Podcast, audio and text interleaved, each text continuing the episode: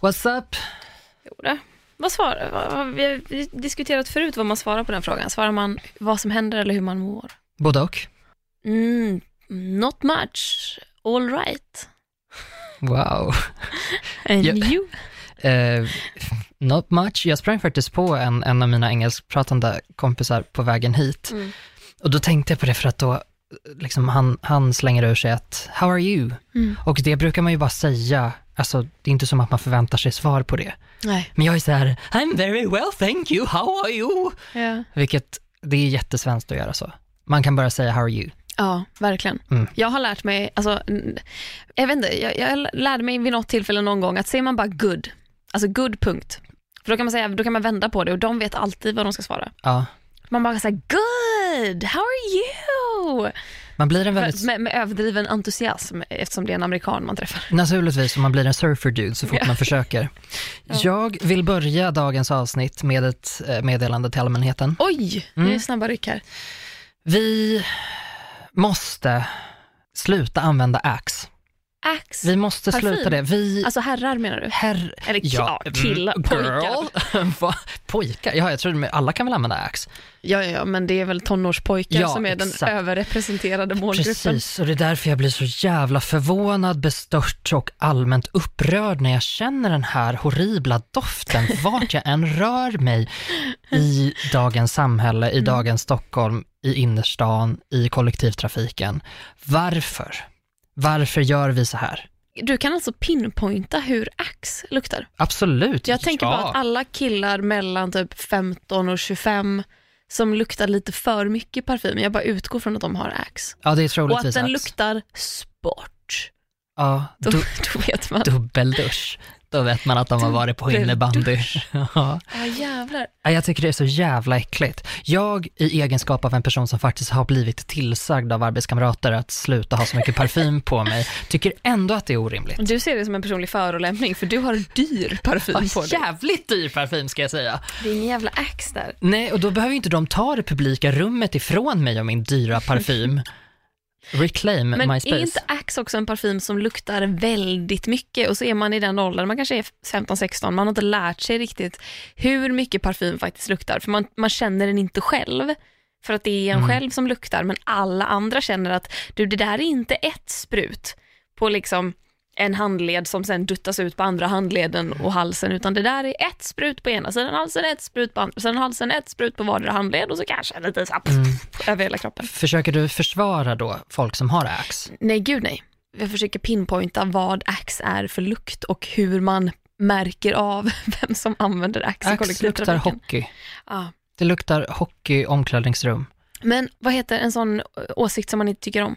Unpopular opinion. Just ja. Har vi, Vad heter det på engelska nu igen? ja, vi har gjort ett helt avsnitt om sådana, absolut. jag kommer inte på vad det heter. Eh, nej, jag kan ändå tycka att det luktar ganska gott, Oj, om man inte är dränkt i det. okej. Jag vet inte varför. Jag tror det är Absolut. för att så här, min, min brorsa, ja min syrra brukade köpa Axe-parfymer till min brorsa när han var liten, när han Mm. började bli tonåring och det, han tyckte det var lite coolt att ha parfym. Och typ jag då som trånade efter allt som hade med typ, jag vet inte, en manlighet att göra för att jag var osäker.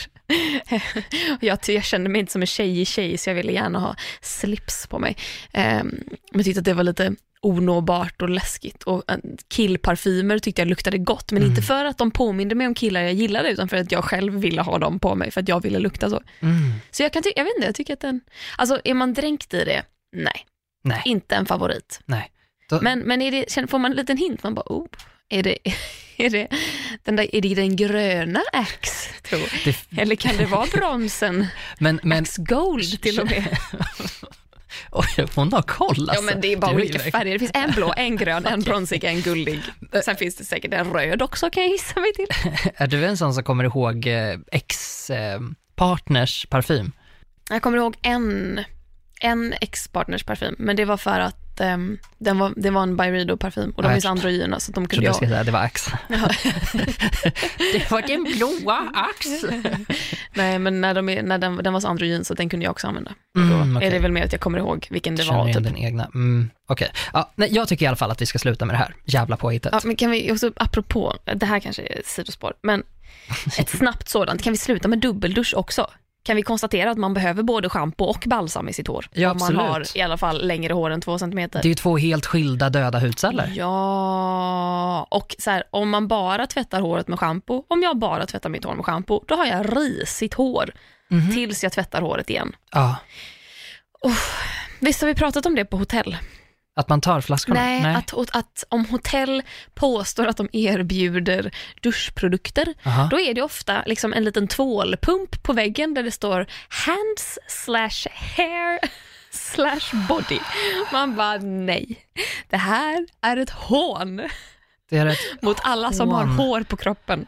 Det är ett hot mot demokratin och ett Ja. hån mot mänskligheten. Oh ja. När jag var i Italien för något år sedan så bodde jag på ett väldigt lyxigt hotell. Mm. Märk väl i typ två dagar. Eh, för att jag hade kanske inte råd att bo där så mycket mer. Men, men jävlar vad jag mjölkade de dagarna. Och de hade ta mig fan en produkt för varedra liten zon av kroppen. Oj, vad man aldrig upplever det på hotell. Mm, nej, bara dyra. Ja. Dyrt ska det vara.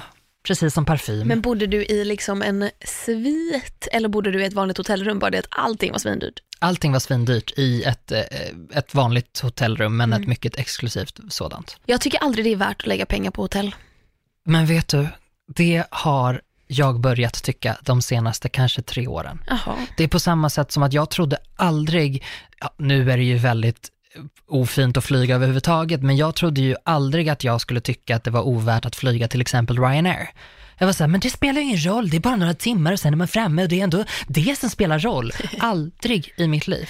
Alltså aldrig i mitt liv. Jag betalar mycket hellre pengar för att slippa det. Ja. Om jag ändå har pengar. Ja. Ja, men samma här. Men det är ju väl för att Ryanair, då ska man flyga från fucking Skavsta. Och för Och att de så- är rövhål Och så ska också. de till, inom citationstecken, London. Och så vet man att nej, vi kommer flyga till liksom Nordirland och sen får du ta dig bäst du vill till, till Mm. Ja, London. men, men det här blir så himla orimligt också för att för mig har ju det ökat på något sätt i värde i takt med att jag blir äldre. Men du har ju haft pengar länge. Ja. Du går ju inte den vanliga liksom, åh nu börjar man närma sig 30, få lite högre inkomst. Det har ju du redan haft jättelänge. ja. Så du kanske inte kommer liksom få samma grej där att du säger, åh, treat myself. Ja men det har jag ju fått, för jag har ju vuxit upp i en familj där det inte har funnits pengar Mm. överhuvudtaget. Alltså hela min uppväxt har ju varit att så här, skulle vi åka någonstans med bilen och man var lite törstig, då skulle familjen dela på kanske möjligtvis två burkar 33 centiliters Coca-Cola. Och då, då var det liksom om man fick två och dela på hela familjen. Medan typ jag kunde bli helt så här, bara va? När min lillebror kom och han började växa upp och han fick en egen cola. Och att man bara, varför får han en egen? Jag vill också ha en egen. Och så fick man det, man bara, men vad är det som händer? Och att jag har fattat efteråt att det var för att mina föräldrar började liksom plötsligt ta pengar. Gud vad sjukt. Ja. Tycker du att det är ofint att, att lägga mycket pengar på sådana saker? Typ dofter Ja, men jag kan eller skämmas på... för det, Ja. absolut. Jag Över dig tycka- själv eller dömer du andra? Nej, nej, nej, nej, jag dömer aldrig andra. Jag, tycker, jag kan tycka att det är fantastiskt när andra har liksom råd med saker. Jag Mm. tänker, fan vad skönt för dig. För, för pengar är jättehärligt ju. Ja. Det är en jättetrygghet att ha mycket pengar, men jag kan skämmas själv eh, att, att lägga pengar på dyra saker. Och just hotell är en sån grej. Fast där tänker jag ju att jag kommer inte ens vara på hotellrummet. Jag kommer ju vara förhoppningsvis ute och utforska.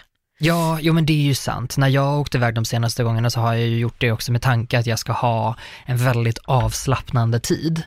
Där jag då har tolkat in att jag kommer vara på hotellrummet en del. Mm. Jag kommer vilja duscha ordentligt på morgonen liksom och glida in i en sån här vit eh, morgonrock och, och ha det dejligt liksom. Mm. Så jag har ju inte varit riktigt på sådana resor. Jag har ju åkt iväg på sådana ensamsemestrar. Mm. Så då blir det en del hotellrum. För att så här, man kanske vill läsa, man Mm. kanske vill hänga lite grann, man har redan sett stan, klar med det. Mm. Mm. Eh, så jag tycker det är super, super värt. Mm. Men eh, det känns lite konstigt att lägga pengar på det. Ja, det tycker jag med. Men eh, värt om de har shampoo och balsam. Bara därför. Jag betalar gärna en liten extra avgift för att Ja. få shampoo och balsam. Idag, Gustav, vet du vad vi ska prata om idag? Det är klart du vet. Alltså, ja, det kanske jag vet, men berätta för mig som om jag inte visste. Vi har ju tidigare spelat in ett avsnitt om, um, om spökhistorier, om um, lite eh, kusliga grejer vi har varit med om i våra hem och med våra nära och kära. Och eh, idag fortsätter vi på det spåret. Spökhistorier 2.0, fast den här gången kommer det inte handla om saker som vi har varit med om, utan eh, lite urban legends, lite...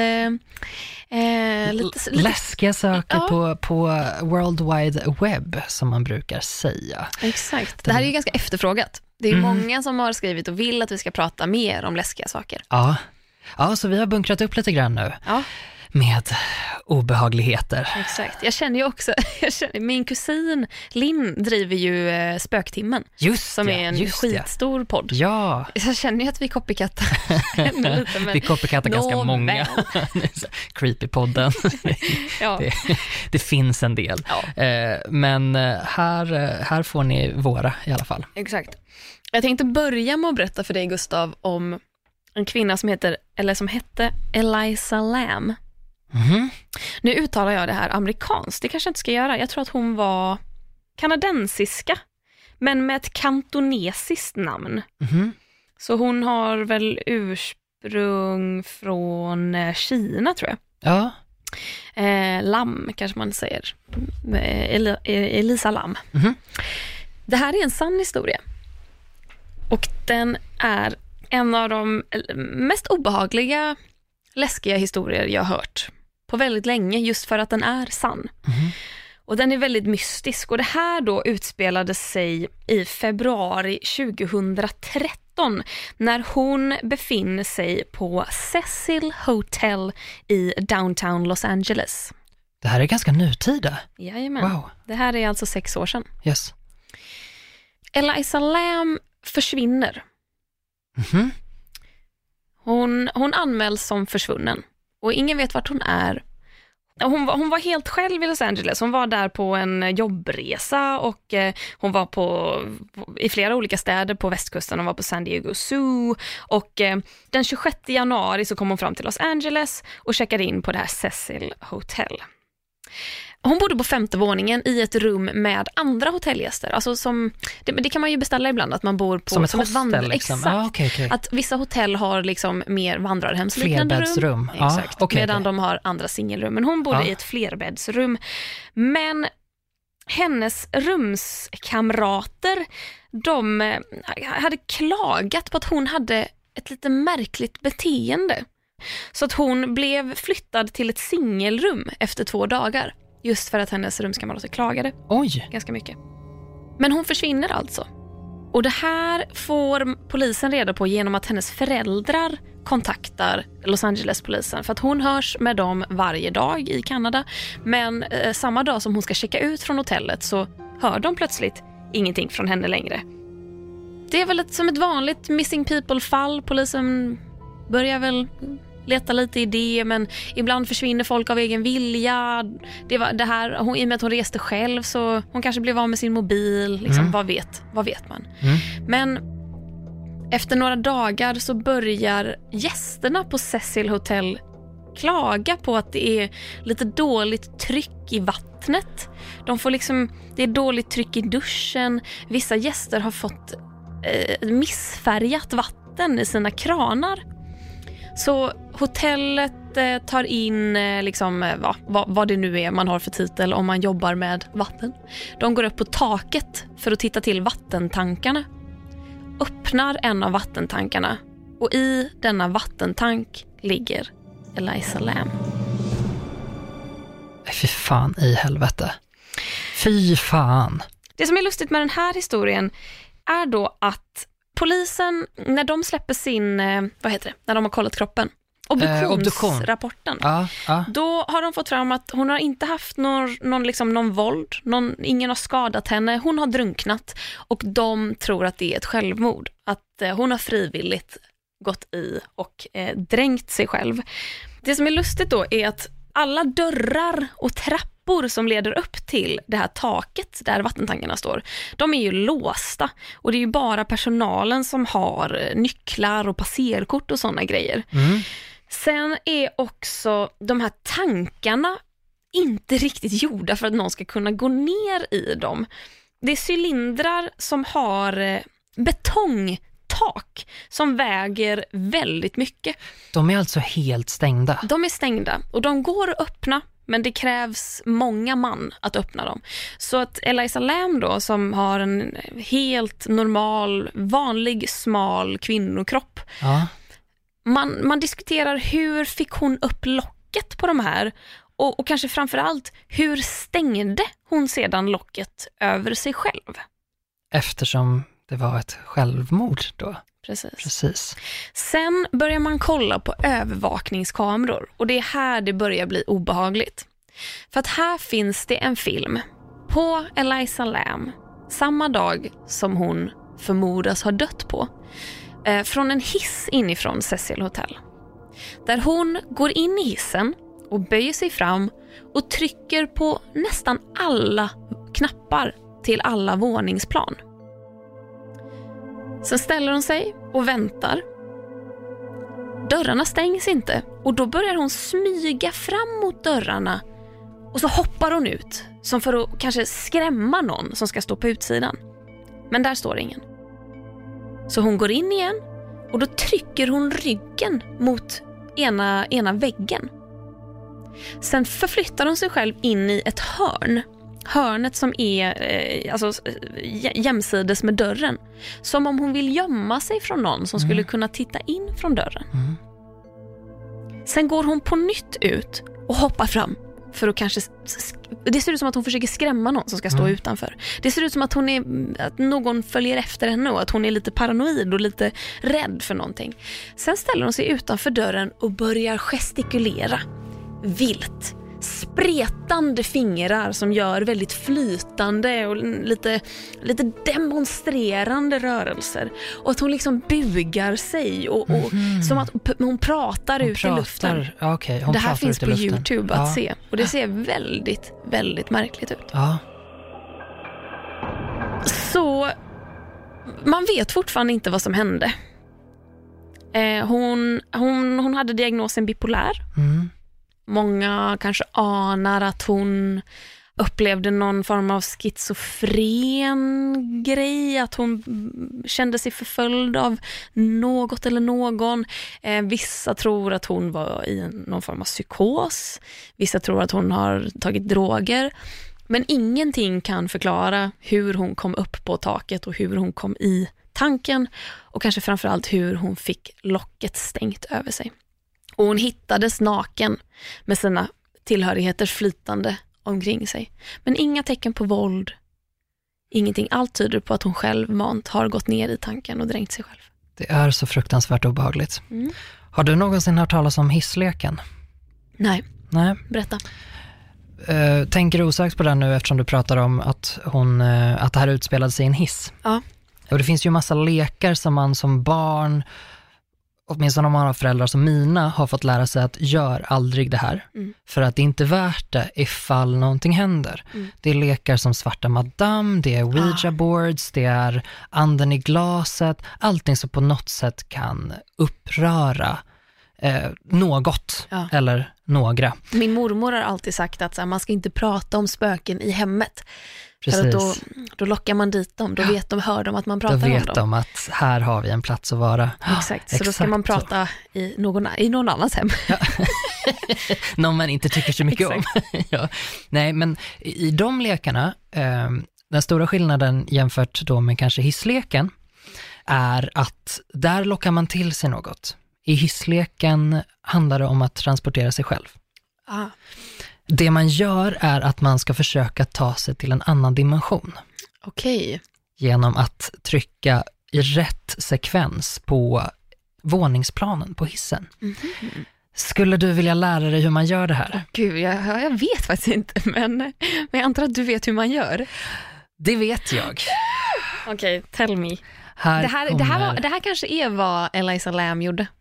Det är precis det jag tänker. Ja. Det är precis det jag tänker och sen då så var hon inte beredd på vad som skulle hända. Eh, du sa att hon tryckte på alla hissknappar. Ja. Mm. Vilken rosslande inandning. det är för att jag är besatt av någonting nu. Uh, Okej. Läskigt. Mm. Nu kommer reglerna till den här leken. Det får bara vara en spelare. Okej. Grundregel, en spelare som kommer behöva ha tillgång till en byggnad som är åtminstone tio våningar hög. Byggnaden måste ha en hiss. För att det här spelet, den här leken ska kunna fortsätta så måste du ha de här då första kraven. En spelare, en byggnad med tio våningar minst Mm. och en hiss. Det är ju typ det här huset som vi spelar in podden i. Exakt. Oh my god, vi skulle kunna göra det här. Oh, Vi det finns två hissar, ska vi ta varsin och göra det? Ja, Oh, det gör vi. nej, det vågar jag inte. Nej. Nej, jag skulle inte rekommendera någon att göra det här. Men eftersom jag är världens, eh, en av Sveriges sämsta folkbildare, så kommer här, stegvis. Steg ett. Gå in i byggnaden och gå in i hissen på första våningen, ensam. Du får inte fortsätta om det finns någon annan där. Steg två. Du ska trycka på knappen till den fjärde våningen. Och när hissen når den fjärde våningen så får du inte gå ut. Du ska stanna kvar i hissen och sen ska du trycka på knappen så att du hamnar på den andra våningen. När du kommer till den andra våningen ska du stanna i hissen och trycka på knappen för sjätte våningen. När du kommer dit, till den sjätte våningen, stannar du fortfarande i hissen. Då trycker du på knappen för den andra våningen. När du kommer till den andra våningen igen, stanna i hissen, tryck på knappen för tionde våningen. När du kommer till den tionde våningen, stanna i hissen, tryck på knappen för femte våningen. När du kommer till den femte våningen kan en ung kvinna komma in i hissen. Du får inte titta på henne. Du får inte prata med henne. Hon är inte det hon verkar. Nej, fy fan. Sen trycker du på knappen för att komma till första våningen. Om hissen börjar stiga till den tionde våningen istället för att gå ner till den första, då ska du fortsätta. Då har du gjort rätt. Då får du fortsätta leken. Mm. Om hissen går ner till den första våningen, då måste du gå ut ur hissen så fort du kan.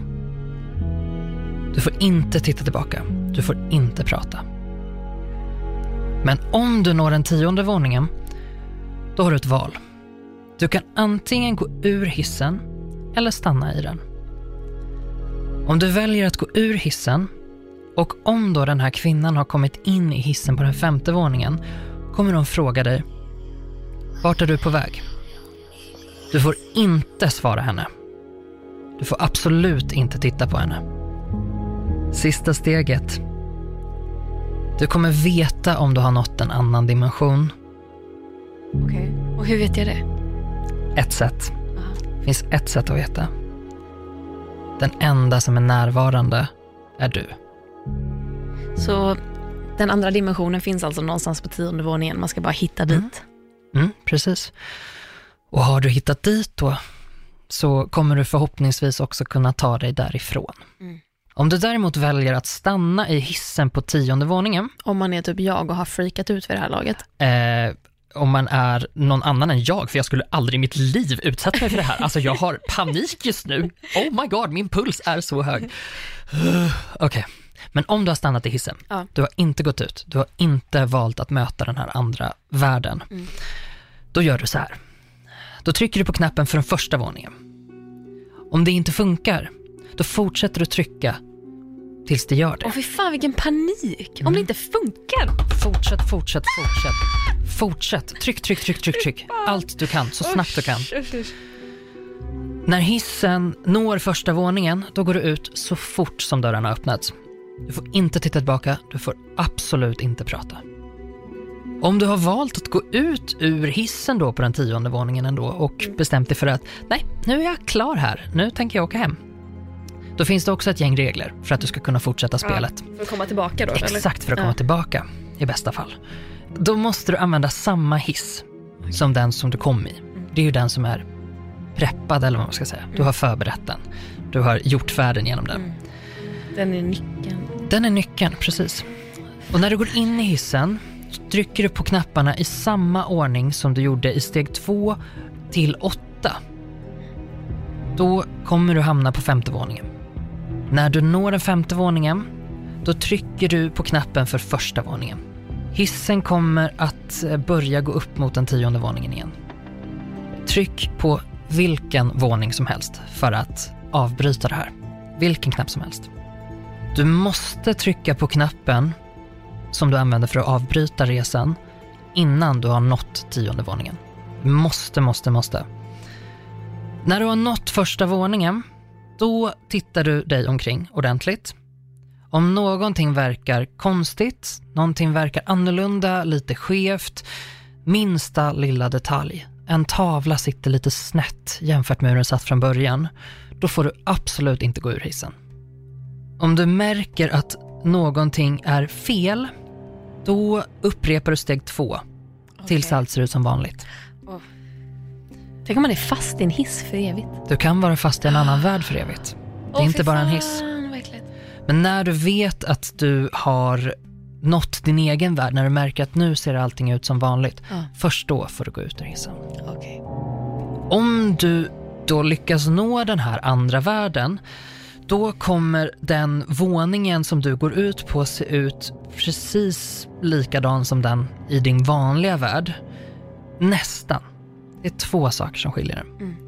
Det kommer inte vara en enda lampa på. Ljuset är släckt. Det enda du kommer kunna se, det är ett rött kors Jaha. som lyser. Och fy fan vad läskigt. Jag undrar vad man gör i den här världen. Mm. Vissa säger ju att eh, elektroniska saker som, om du har din telefon på dig, din iPhone, vad som helst, eh, det kommer inte funka här. Nej. De som säger att de har varit med om det här, kommer inte funka. Kom också ihåg att det kan vara skitsvårt. Alltså det kan vara jättesvårt att komma tillbaka till din vanliga värld. Mm. Ehm, för att ponera då att du står där och trycker, trycker, trycker, trycker, trycker. Ingenting funkar. Nej. Du måste hålla dig lugn och fortsätt bara. Om du någon gång under den här ritualen svimmar eller någonting, du liksom tappar medvetandet så kommer du högst troligen vakna upp hemma hos dig själv. Eh, Men se till att du kollar runt omkring dig då så att det verkligen är hemma hos dig. För Ja, det kan det lika gärna är vara någon Den annanstans. andra världen. Mm. Återigen, den absolut sista regeln som finns är en påminnelse. Den här kvinnan på femte våningen, du får inte prata med henne. Du får inte titta på henne. Om du gör det så kanske hon behåller dig. Nej fy fan. Och gud jag fick en äkta rysning. Ah! Ser du gåshuden? Fy fan. Jag ska aldrig göra det här. Åh, gör aldrig det här Usch. någonsin. Gud, alltså jag får typ dåligt samvete av att jag överhuvudtaget läser det här. Jag får sån dålig känsla i min kropp. Jag tycker det är så fruktansvärt obehagligt. Apropå eh, vad som är obehagligt så har jag eh, stumbled upon en annan eh, riktigt obehaglig historia eh, på internet. Eh, jag ska börja med att visa dig en bild. Nej, sluta.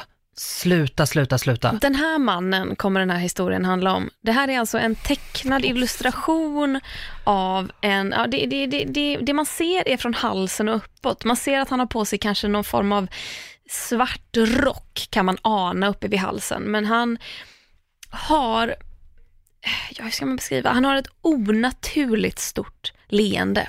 Och han kallas för den leende mannen.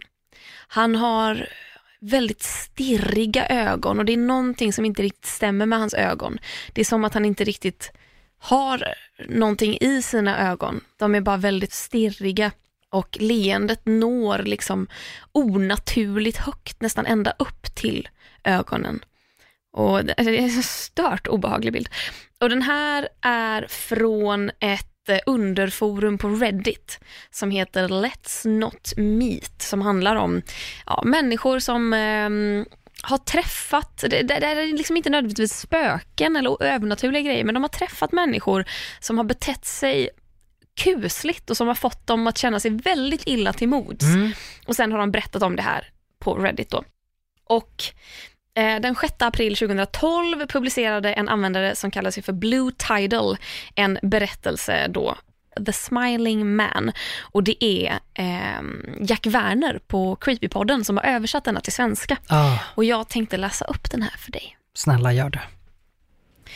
Blue Tidal skriver för ungefär fem år sedan bodde jag i en större amerikansk stad.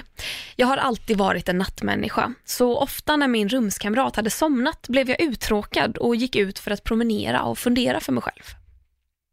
På det där sättet tillbringade jag fyra år med att gå runt i staden på natten och aldrig någonsin hände det något som gav mig skäl att vara rädd för min säkerhet. Jag brukade skoja med min rumskamrat om att till och med den här stadens knarkhandlare var artiga. Men det här förändrades på bara några minuter en kväll. Det var en onsdag, någon gång mellan ett och två på morgonen och jag promenerade i närheten av en park som polisen brukade patrullera i, ganska långt från min lägenhet. Det var en lugn kväll, tyst och stilla, även för att vara en vardag, med väldigt lite trafik och nästan inga andra fotgängare. Parken var, som den brukade, nästan helt tom. Jag hade precis vänt ner för en kort sidogata för att gå en annan väg hem än den jag kommit när jag såg honom.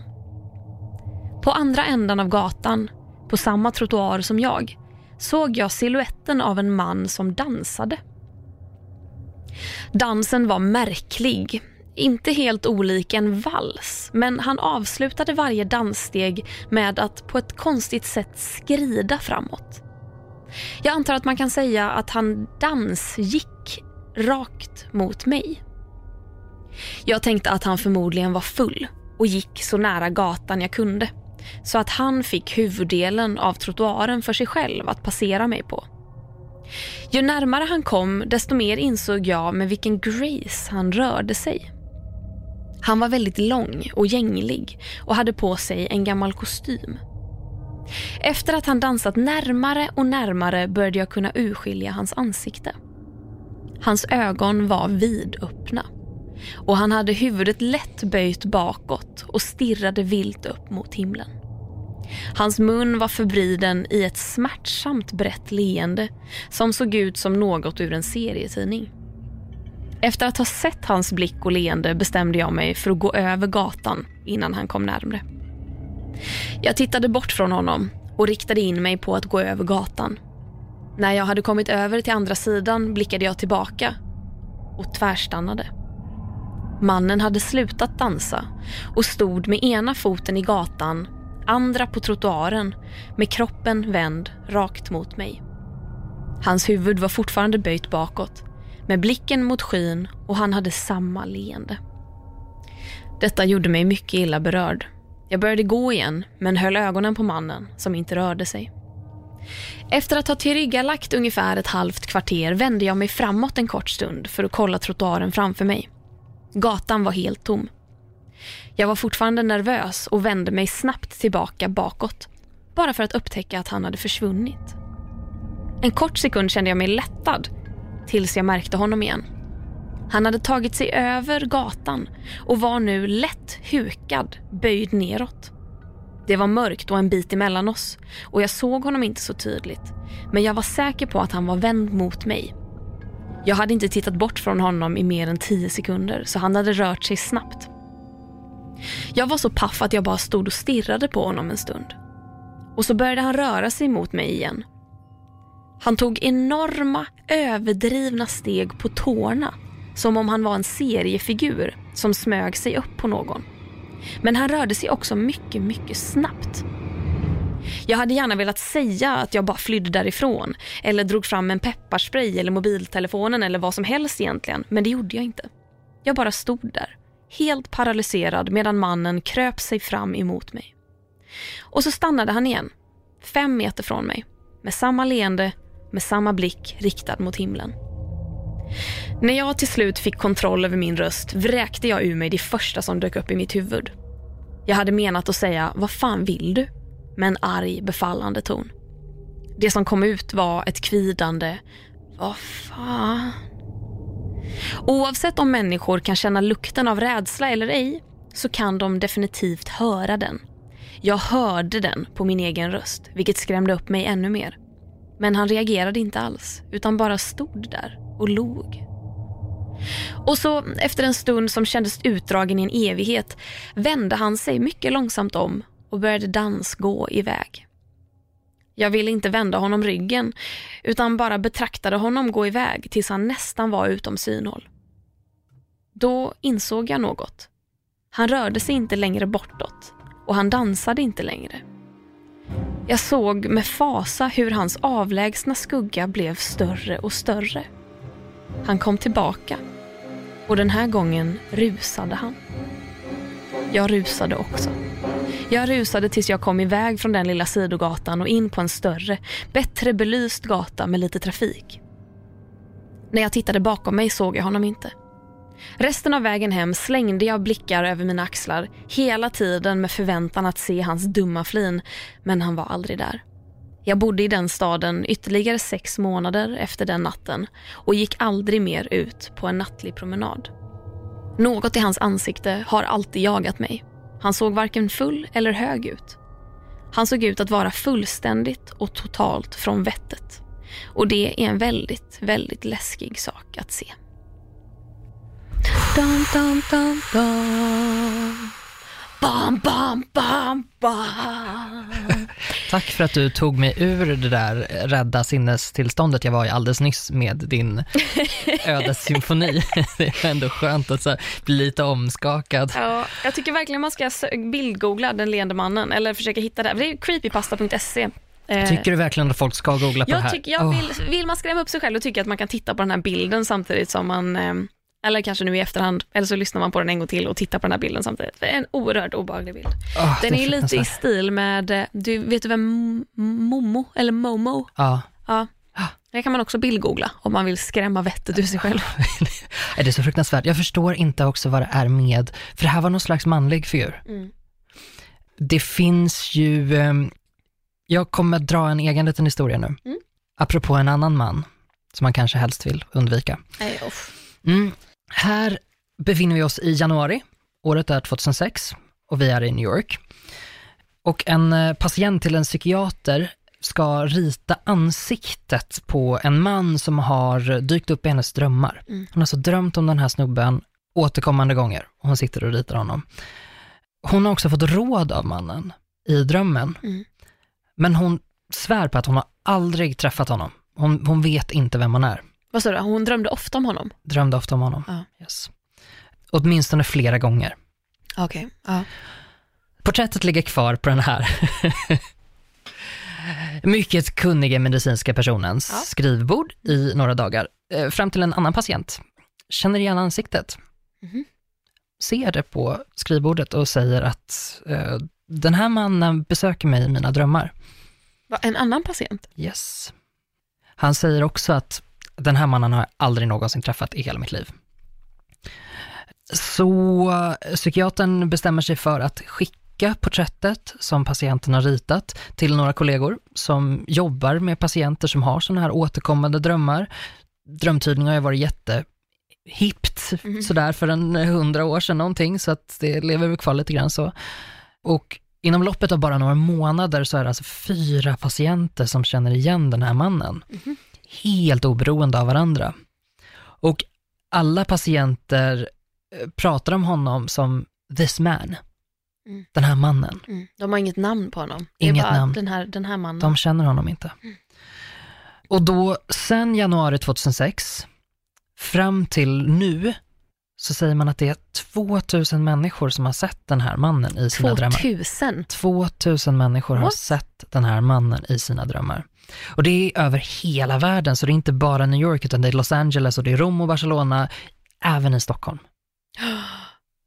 Som det ser ut nu, försöker man göra forskning på det här, så ser man ingenting som länkar de här samman överhuvudtaget. Personerna som har drömt Personerna som har drömt om det. Det finns ingen, ingen gemensam nämnare, utan det, det verkar vara helt spontant eh, att den här mannen dyker upp i deras drömmar och eh, ger dem råd ännu värre, man har aldrig sett en man som ser ut som mannen på porträttet. Nej. Det finns ingen som ser ut så. What? Hur ser han ut då? Eh, den här mannen, han ser ut som, han ser ganska, han ser ganska liten ut. Eh, mörkhårig, han har tjocka, mörka ögonbryn. Mm. Och han har ett, Lite tunnhårig. han är lite tunnhårig, han har ett litet, ett, ett litet leende. Ett litet sammanbitet leende. Mm. Med sina väldigt smala läppar. Exakt, och ögon som stirrar stint på en. Mm. Eh, Han ser ut som att han vet någonting. Han ser lite mysko ut. han ser, vet någonting. Det är, no, det är ju någonting obehagligt över hans lilla Mm. leende. Väldigt runt huvud. Inte att det är obehagligt, men det var en fortsatt beskrivning. Ja, vet du var jag har hittat informationen?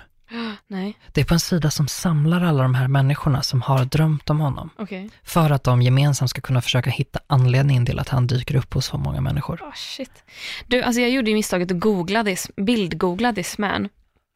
Det är ju så obehagliga grejer som dyker upp. Vad är det här? Nej, sluta! Det här är ju alltså, det ser ut som ett foto.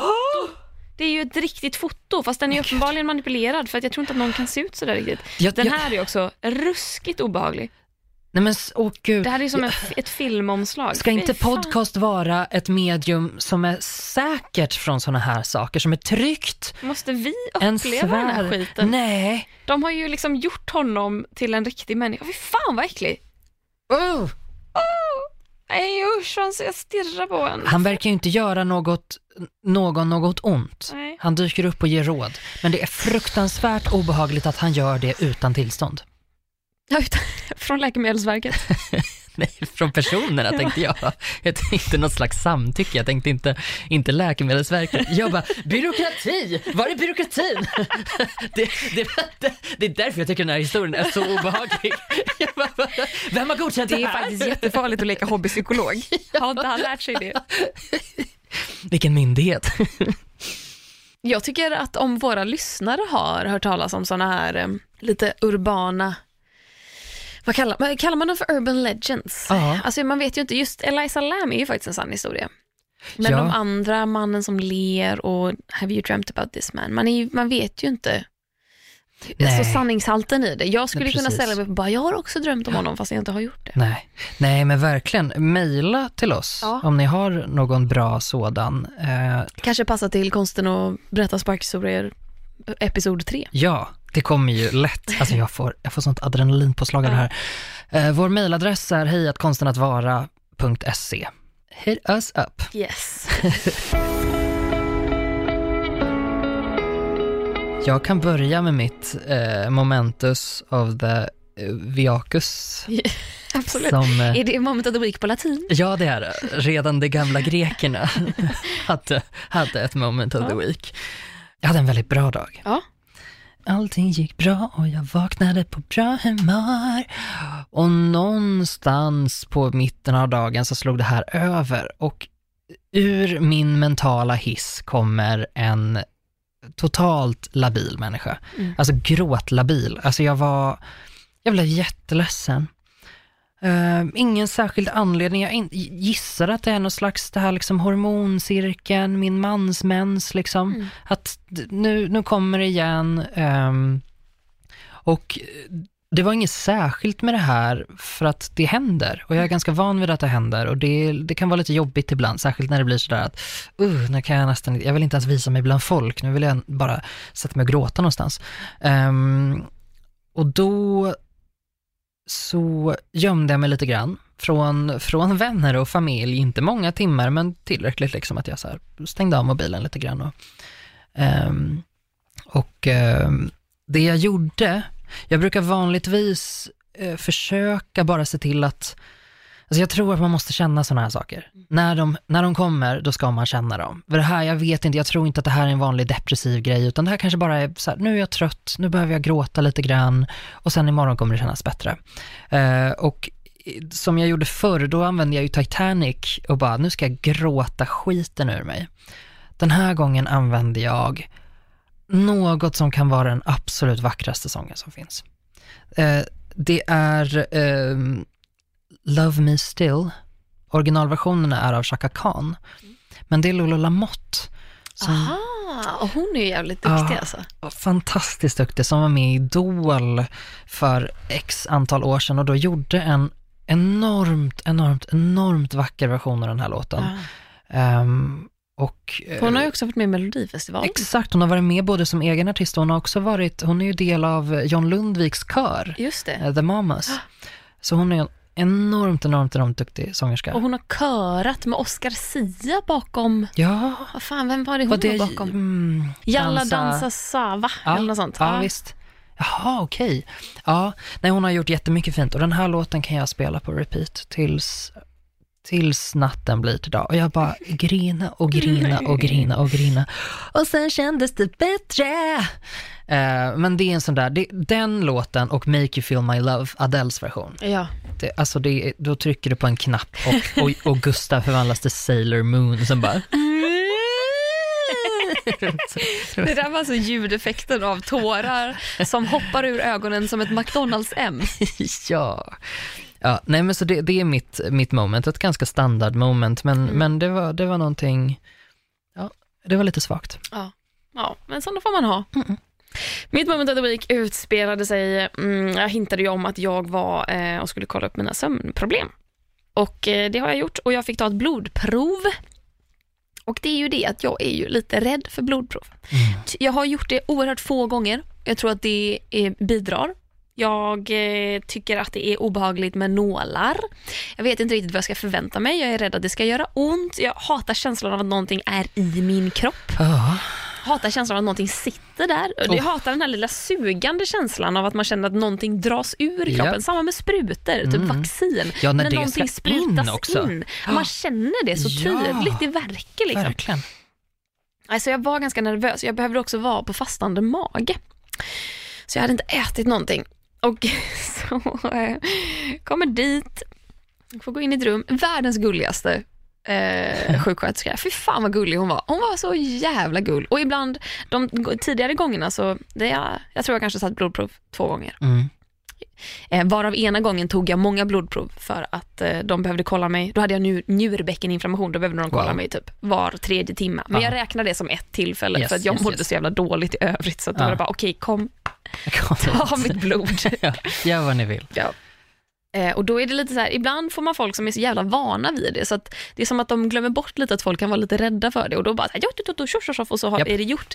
Medan andra gånger är de så himla gulliga. Och nu fick jag en gulligen som bara, du tycker inte det här är så roligt va? Hon märkte det. märkte Du behövde inte säga någonting. Jag sa Nej ingenting. men vän. Och jag bara, nej jag tycker inte det är så roligt.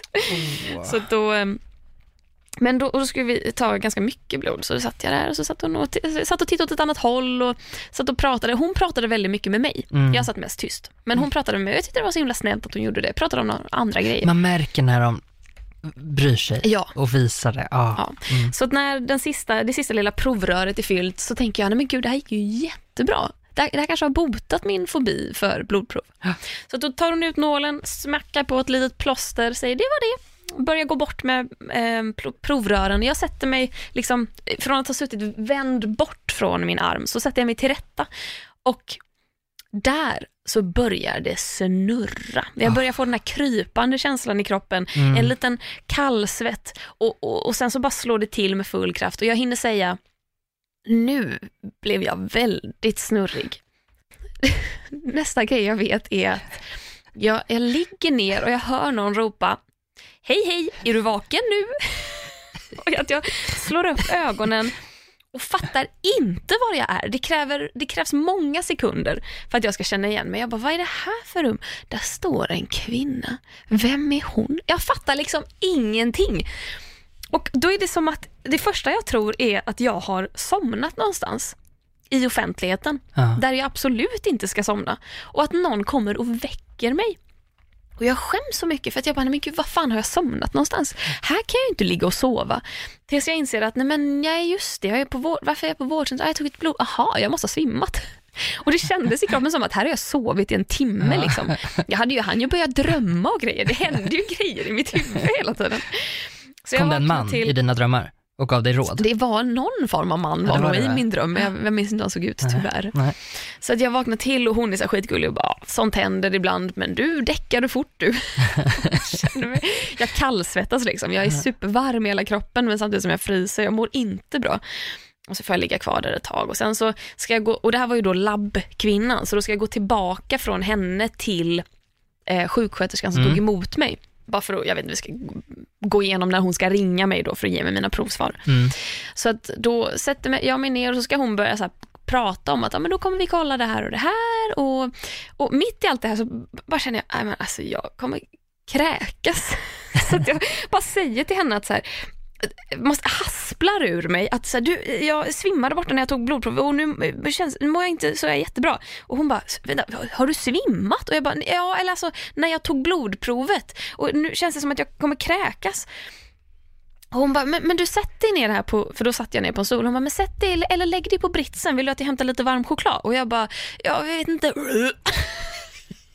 Och hon bara så här, slänger en snabb blick på mig, tar tag i en soptunna som står i rummet, som också står på hjul, och bara rullar den mot mig samtidigt som hon tar sats och springer ut ur sitt lilla vårdcentralskontor. Och jag bara börjar kräkas. Och som jag kräks i den här soptunnan. Och hon kommer tillbaka med papper och varm choklad och jag får kräkas klart och sen sitter vi där och hon är så orolig för mig. och bara, du det är ingen fara, hur, hur mår du? Och det är nog för att du har varit på fastande mage och du var lite rädd. Och, nej, då är det mycket och hjärnan bara, ja. Så att jag får till slut inte lämna själv. Hon säger att så här, sätt res- och hon bara, ska vi ordna med transport härifrån? Och jag bara, nej, nej, nej för fan. Och hon bara, men då är det någon som kan hämta dig här? Och då skulle jag träffa en kompis efteråt så att jag bara, "Ja, hämta, hämta. Men min kompis är vid Mariatorget och hon bara, "Ja, kan den personen följa dig hem? Och jag bara, ja, det kan den väl. så att hon bara, okej, då går du och sätter dig i receptionen. Vill du ha hjälp att ställa dig upp? Jag bara, nej, nu, nu är jag ju kräkts, nu mår jag ju bra. Så att då, ja, hur som helst, eh, Fille mötte upp mig, gick med mig hem, var supergullig. Och eh, sen fick jag feber. Sen började jag må riktigt dåligt. Jag fick huvudvärk och jag kände mig så jävla miserabel och jag kände mig så skör och så liten. Och eh, Det är så ja, det fruktansvärt. var rent fruktansvärt faktiskt. När man är en redig människa i vanliga Ja. fall och så slår ens kropp bakut Mm. och trotsar den, Ja, sviker den, jävla judaskropp. ja. Nej, det gick inget bra alltså. Nej. Jag hoppas jag slipper ta blodprov Ja, fy fan. i Har, framtiden. har jag berättat om gången när jag eh, vaknade efter att ha varit sövd eh, av mina egna snarkningar Nej. eh, och ser att jag befinner mig i ett liksom öppet väntrum med massa andra människor. Vänta, va? Ja, det Varför var har de satt dig där? hemskt. Nej, men eh, det var, eh, jag hade gjort en, jag hade gjort en gastroskopi. Eh, alla som inte vet vad det är, eh, googla. Det kommer vara ungefär lika kul som den leende mannen. Eh, man kör alltså ner en slang i halsen bara för att kolla lite grann, hur går det här med halsbrännan då? Det, där är det, det här är det här avsnittets värsta spökhistoria. Ja, det är Och det värsta är att jag har gjort typ fyra stycken i mitt liv. Så det här är så hemskt och jag visste redan från början att eh, ge mig alla droger ni har. Ge mig allt. Det spelar ingen roll om det är liksom om ni ska skjuta det ut rör ur munnen. Söva en noshörning. Söv en noshörning. Jag behöver det. Eh, och efter det, och jag hade också en sån där, jag bara, jag klarar mig själv efteråt. Och jag tror att det var både min mamma och syster som fick gå med mig på varsin sida och leda mig därifrån. och, sen, och min mamma eh, jobbade på samma sjukhus, så då fick jag liksom ligga och här, sova ruset av mig på hennes avdelning då, ute i korridoren och vaknar av det här. och så förnedrande, jag var typ 16 så det är det värsta som kan hända. Nej. Åh, vad jag led. Kul. Mm, kul. Tack för den här veckan. Tack för den här veckan. Det var ju riktigt otrevligt det här. fruktansvärt. Det här pratar vi inte om på ett tag. igen. Nej, det gör vi inte, Nej. men om ni vill att vi ska prata mer om det, Ja. mejla oss. Ja. Eh, roliga saker, skriv på vad är det Instagram. läskigaste ni hört? Vad är det läskigaste ni har hört? En urban legend. Har ni någonting lokalt? Ja. Någonting i Stockholm eller Sverigeområdet så vill jag jättegärna höra. Ja. Sånt tycker jag är så spännande. Klara däremot, inte Egen- fullt lika nej, I intresserad. egenskap av göteborgare så säger jag, har ni någonting lokalt i Göteborg? Eller typ övriga Sverige, förutom Stockholm? Då vill jag jättegärna höra det. Okej, fick jag bara Stockholm nu? Wow! Nej, men du sa Stockholm eller Sverige, inom parentes. Ja, just det, eller Sverige inom parentes. Okej, så men därför säger jag, hit me up med övriga Sverige. ja. Mejla oss, eh, alternativt skriv på Instagram. Ja, hej att konstenatvara.se eller ja, hitta oss på Instagram. Kan ni inte hitta oss så skyll er själva. Varför är jag så jävla dryg Jag vet inte. Nu går Nej, men vi. det är ju så jävla lätt att hitta oss på Instagram. Okej. Man söker på våra namn, det är inte svårare än så. Ni följer oss förmodligen redan på Instagram. Det får vi Jag, ska, verkligen jag vill ju verkligen inte dumförklara våra följare. Det vill du verkligen Bara inte. de nya följarna som inte redan följer oss på Instagram. nu, nu går vi. Ja, nu går vi. Nu mår jag dåligt. Hej då. Puss hej.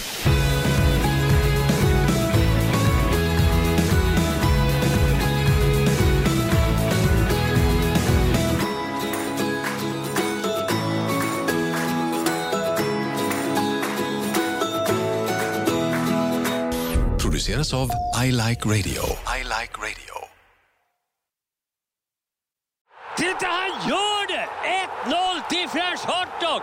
Vilket smakfullt mål! Nu startar fotbollsfesten på Circle K. Välj mellan massa goda dressingar till din french hotdog som smakar lika gott som en perfekt glidtackling.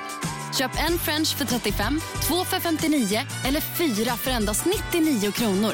Vilken är din vinnare? Vi ses på Circle K i sommar.